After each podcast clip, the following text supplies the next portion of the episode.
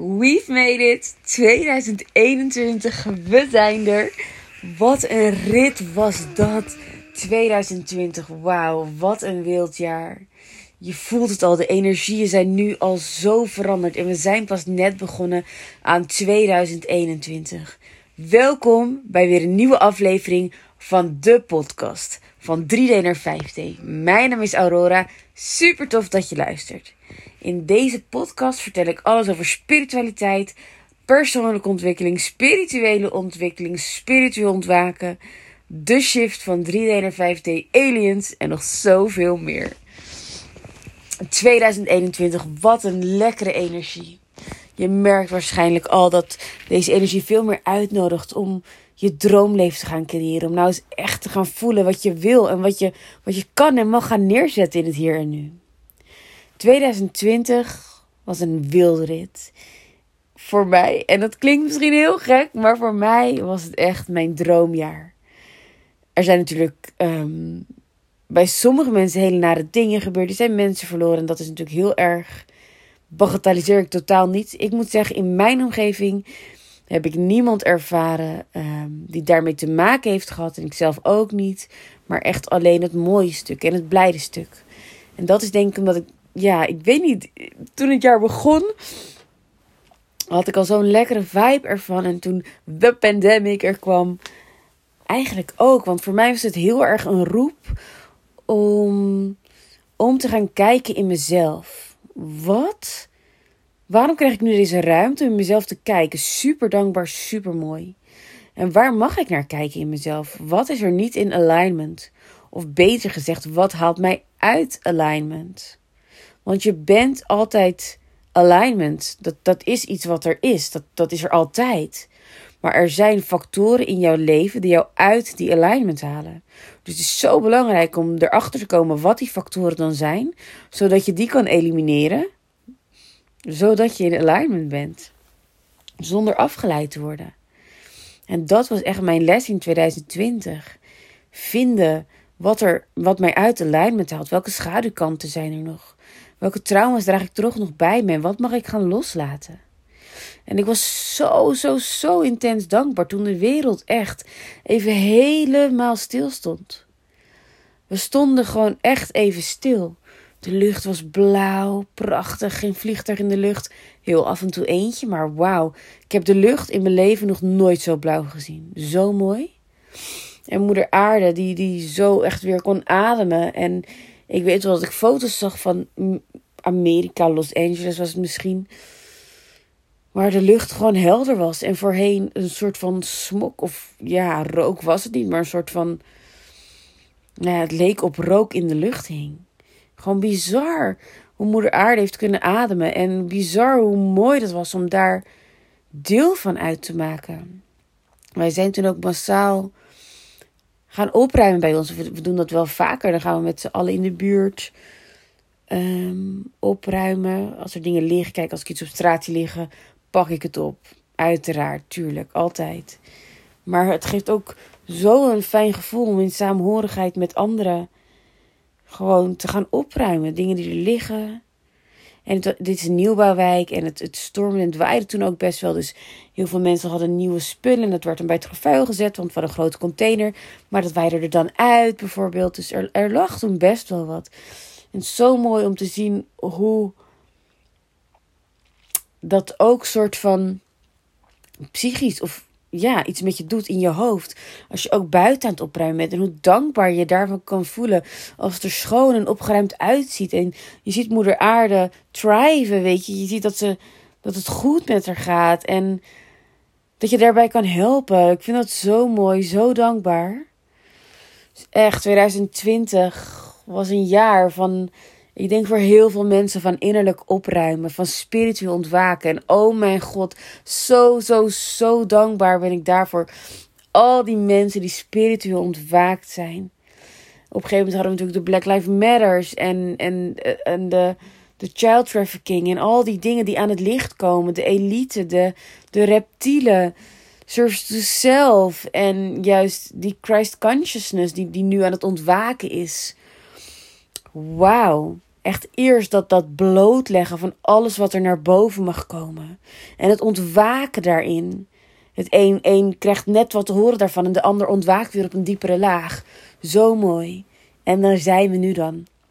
In 2021. Het jaar waarin de Christ Consciousness ontwaakt. En ik, ik weet het van mezelf. Ik ben daar ontzettend mee bezig. Dat begon vorig jaar en dit jaar is het enorm versterkt. Het is een soort van mijn, mijn life mission, mijn, mijn missie nu om volledig in mijn hartcentrum te zijn. Altijd continu 100%. En dat lukt zeker niet altijd, maar het grootste deel van de tijd wel. En dat is zo mooi en zo dankbaar. En hoe mooi dat ook weer teruggereflecteerd wordt in mijn wereld. Um, dat kun je bijvoorbeeld zien aan de mondkapjes. Ik heb van het begin gezegd: ga ik nooit doen. Uh, in het begin werd ik er echt wel een beetje opgefokt van. Ik dacht: Jezus, ze gaan maar geen dingen. Ik wil niks moeten, die autoriteit. En toen dacht ik: wow, wow, wow. Oké, ho even. Waarom flip ik door? Um, dat was gelukkig maar een moment. Ik kon mezelf vrij gauw eruit terugroepen. En um, ik dacht, ik creëer mijn leven. Dus dit is dan wel om een reden in mijn leven. Maar hoe ik daarmee omga, dat creëer ik zelf. En welke keuzes ik daarin maak, bepaal ik ook zelf. En ik zag toen ook een video van Lori Led. Was, kwam zo mooi synchroon. Want precies toen ik daar aan dacht, kwam die video. Toen dacht ik, oké, yes, deze voel ik. Hier mag ik een, een stukje informatie uithalen. Want ik merk dat ik um, in het begin van mijn ontwaking heel veel aan het kijken was. Hè. Feel Good, Lori Led, al die die, die mensen die toen al ontwaakt waren. En dat was nog heel erg in mijn begin. Althans, niet in mijn begin, maar in mijn begin van het Starseed-stuk. En het lichtwerkerstuk. En, en dat stuk eigenlijk. En daar heb ik zoveel van geleerd. En ik merk dat het nu eigenlijk informatie is wat al bekend is. Maar soms heb je net die ene zin die je eruit haalt. Of um, ja, dat, dat ene woord wat je gewoon weer op een ander level laat zien en laat denken. Dat is dan zo mooi. En dat had ik dus met Lorelei. Ik weet niet eens meer precies wat het was. Maar zij was toen zo van, ja, vecht er niet om. Want dan geef je er ook aandacht aan. En super logisch.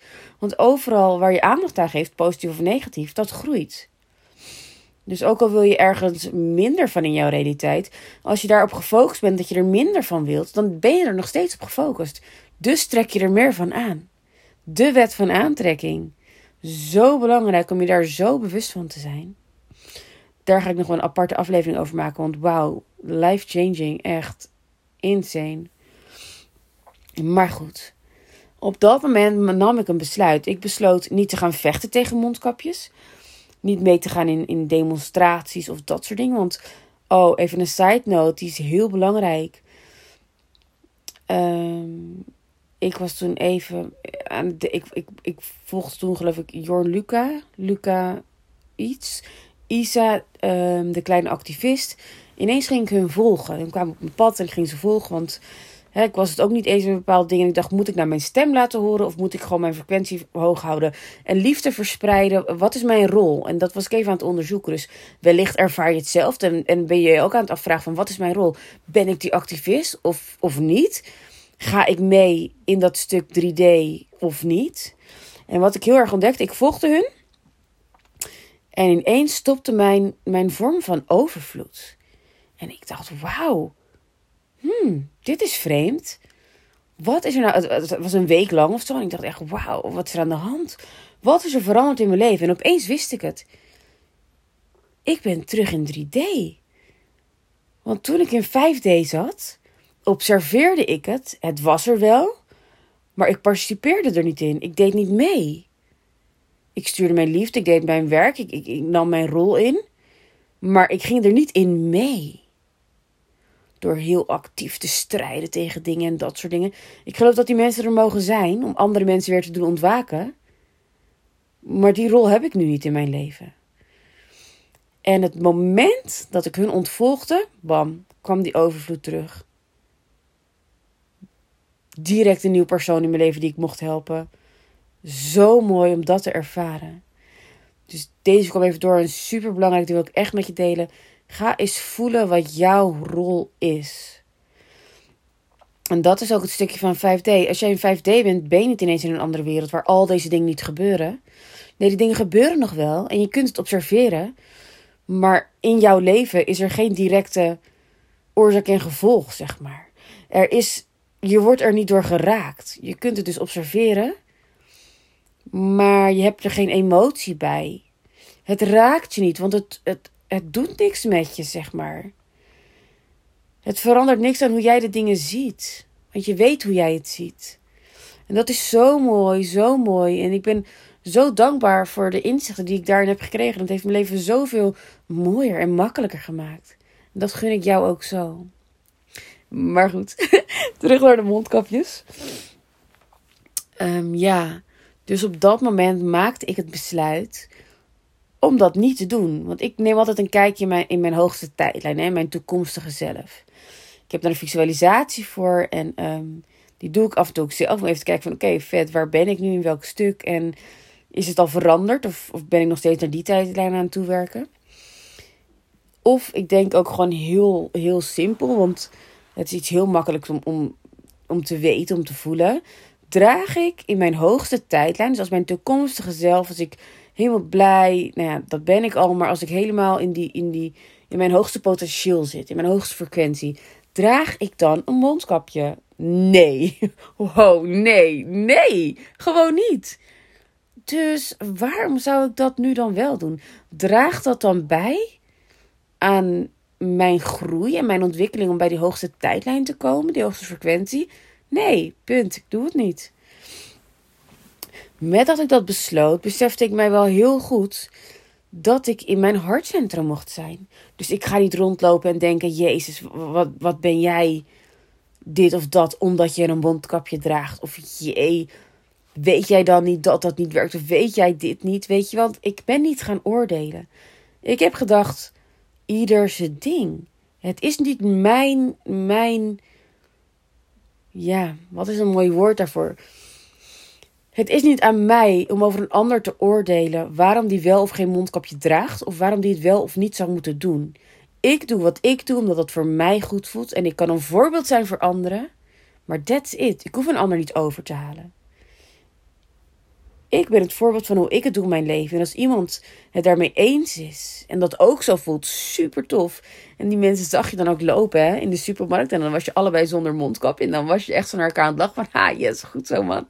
Super leuk. Dus er was een soort van ook samenhorigheid van mensen die het dan niet deden. En niet naar, naar de mensen die het wel deden. Want hè, maar gewoon van ja, oh, wat fijn of zo. Ja, we horen bij elkaar. En dat klinkt misschien een beetje gek, maar zo voelde het dan echt even op dat moment. Zeker in het begin. Nou, dat was eigenlijk allemaal prima en um, heel erg in mijn hartcentrum. Dus altijd goede reacties op gehad. Nooit raar aangekeken, want dat hoor ik dan wel van uh, moeders bij mij op het schoolplein bijvoorbeeld.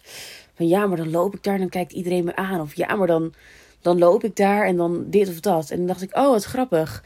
Want ik, ik praat ook wel met hun en dan weet ik ook welke onderliggende angsten daaronder zitten bijvoorbeeld.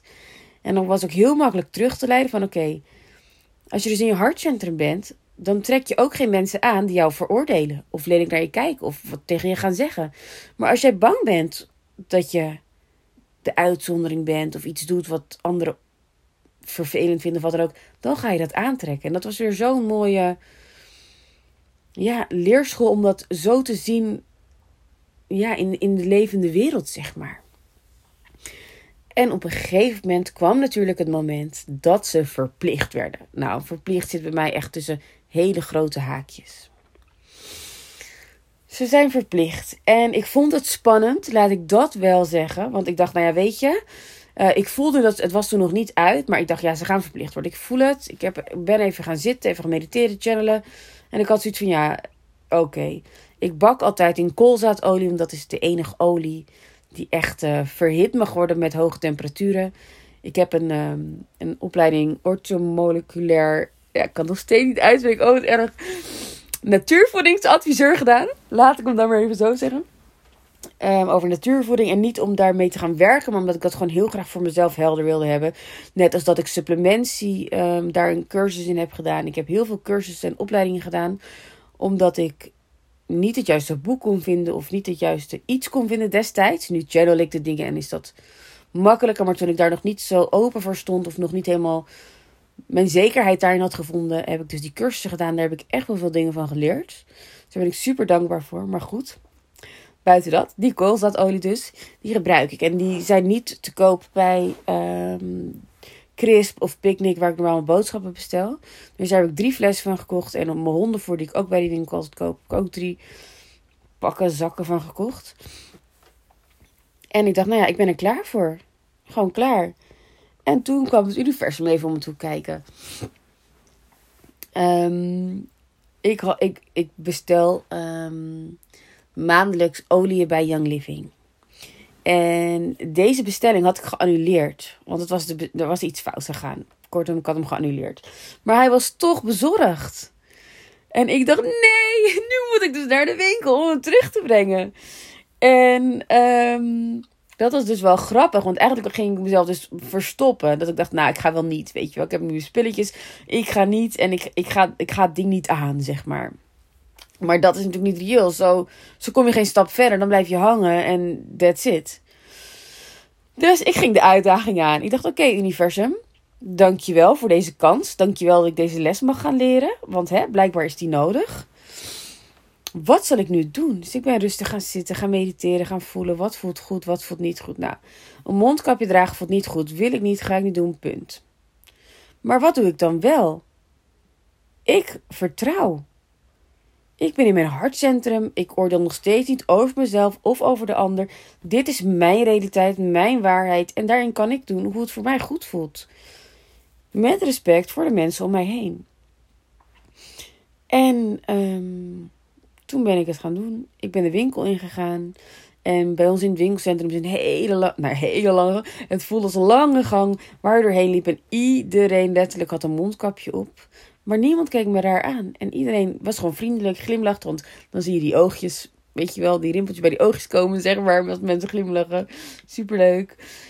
Um, dus mensen lachten vriendelijk, super fijn. En, en ook in de Bruna, waar ik het pakketje terug ging brengen hij is ook super aardig, super vriendelijk. Alsof er niks aan de hand was. En dat was er ook niet. Want het voelde ook goed. En dat was zo mooi. En ik was zo dankbaar dat dit gebeurd was. Dat ik het ook gelijk weer los kon laten. En zo'n mooie les eruit geleerd had. Het is echt van hoe je iets doet. Dus ben je in je hartcentrum. Dan geeft dat zo een verschil in het resultaat en de reactie die je krijgt. En nu ben ik sowieso minder aan het consumeren. Dus ik ga alsnog zo weinig mogelijk naar de winkel. Maar dat deed ik eigenlijk al wel. Omdat ik gewoon vind dat dat consumeren wat, wat we geleerd hebben te doen. En het, iets, het gevoel hebben iets nodig te hebben. En weer iets anders nodig te hebben. Dat ik dat gewoon heel erg los wil laten. Um, ja. Dus ik ga wel naar de winkel, maar ik ga minder. En Toevallig ging ik met mijn oma, die moest naar de winkel. Dus dan, dan, ik bracht haar en ik ging mee naar binnen. In hetzelfde winkelcentrum. En er liep een handhaver rond. En die vrouw loopt naar me toe en die spreekt me aan. Ja, je hebt geen mondkapje. Ik zeg, nee, klopt. En um, mijn zoontje komt er eigenlijk tussendoor. Ja, mevrouw, mevrouw. En ik wist al wat hij gaat zeggen, want dat heeft hij al tegen zoveel mensen verteld pakt altijd goed uit. En zo niet dan niet, hè. Maar goed, hij zegt het ook vanuit een pure intentie. Want hij heeft dat vast mij een keer horen zeggen. Mevrouw, mondkapjes werken niet. En ik dacht, oh ja, oké, tegen de handhaver, maar goed. En zij was van, nee, dat weet ik lieverd. En het is zo bijzonder, want iedereen tegen wie hij dat heeft gezegd, zegt, dat weet ik. Maar ja, ik wil geen boete of, maar ja, ik doe het toch maar. En het geeft me dan zo'n goed gevoel dat mensen er wel bewust van zijn. Kijk, ze mogen de actie nog ondernemen om in hun kracht te gaan staan en bij hun eigen standpunt te gaan staan. En dat komt wel. Maar dat iedereen die ik eigenlijk spreek zich er al bewust van is. Eén iemand niet, moet ik zeggen, in mijn omgeving, maar voor de rest wel. Ben ik zo dankbaar voor. Vind ik zo mooi. Zo intens. En die vrouw ook, die ging helemaal het gesprek aan en ook met mij. En dat ze het eigenlijk ook niet wilde, maar ja, voor de werk en heel verhaal. En toen kwam ze nog van ja, en ja, als je nou rondloopt zonder mondkapje, wat je dan eigenlijk het best kan doen, is naar de overheidssite gaan. Daar een soort ding uitprinten, wat je dan mee kan nemen, dat je geen mondkapje op hoeft. En het is bijvoorbeeld met hyperventilatie, dan vraag je even aan je dokter of je het zelf mag invullen. En ja, dan krijg je in ieder geval geen boete. En ik dacht, nou ja, wat lief. Ze geeft me nog een tip ook mee. En vanuit haar opzicht super lief. Ik geloof dat ik niet een handhaver tegengekomen die mij een boete gaat geven Omdat ik in mijn hartcentrum ben en dat helemaal niet nodig is in mijn realiteit, zeg maar, die les. Dus ik ben in vol vertrouwen en ik weet dat het precies goed is. En uh, ja. Maar zo dankbaar voor de mensen die ik tegenkom in mijn leven. Zo dankbaar oh, voor alles wat er nu is en wat we nu samen gaan creëren. Nu gaan wij de nieuwe wereld creëren. Het moment is gewoon nu. We zijn er. We've made it. Wauw. Oh, ik kan hier echt nog uren over doorratelen. Ik ben zo dankbaar. En um, met al die dankbaarheid wilde ik mijn 2021 ook beginnen. Um, in dienstbaarheid voor jou, voor jullie, voor het collectief. En daarom heb ik een masterclass op 11 januari. Dit is helemaal gratis. 11 januari om 11 uur. En hij heet Van 3D naar 5D. uh, mijn thema, mijn missie. Hierin ga ik je eigenlijk even meenemen in de nieuwe wereld wat we gaan creëren. Wat jouw rol daarin is. En um, ja, eigenlijk het grote plaatje, het verhaal, maar ook de details erbij. Je kunt al je vragen stellen.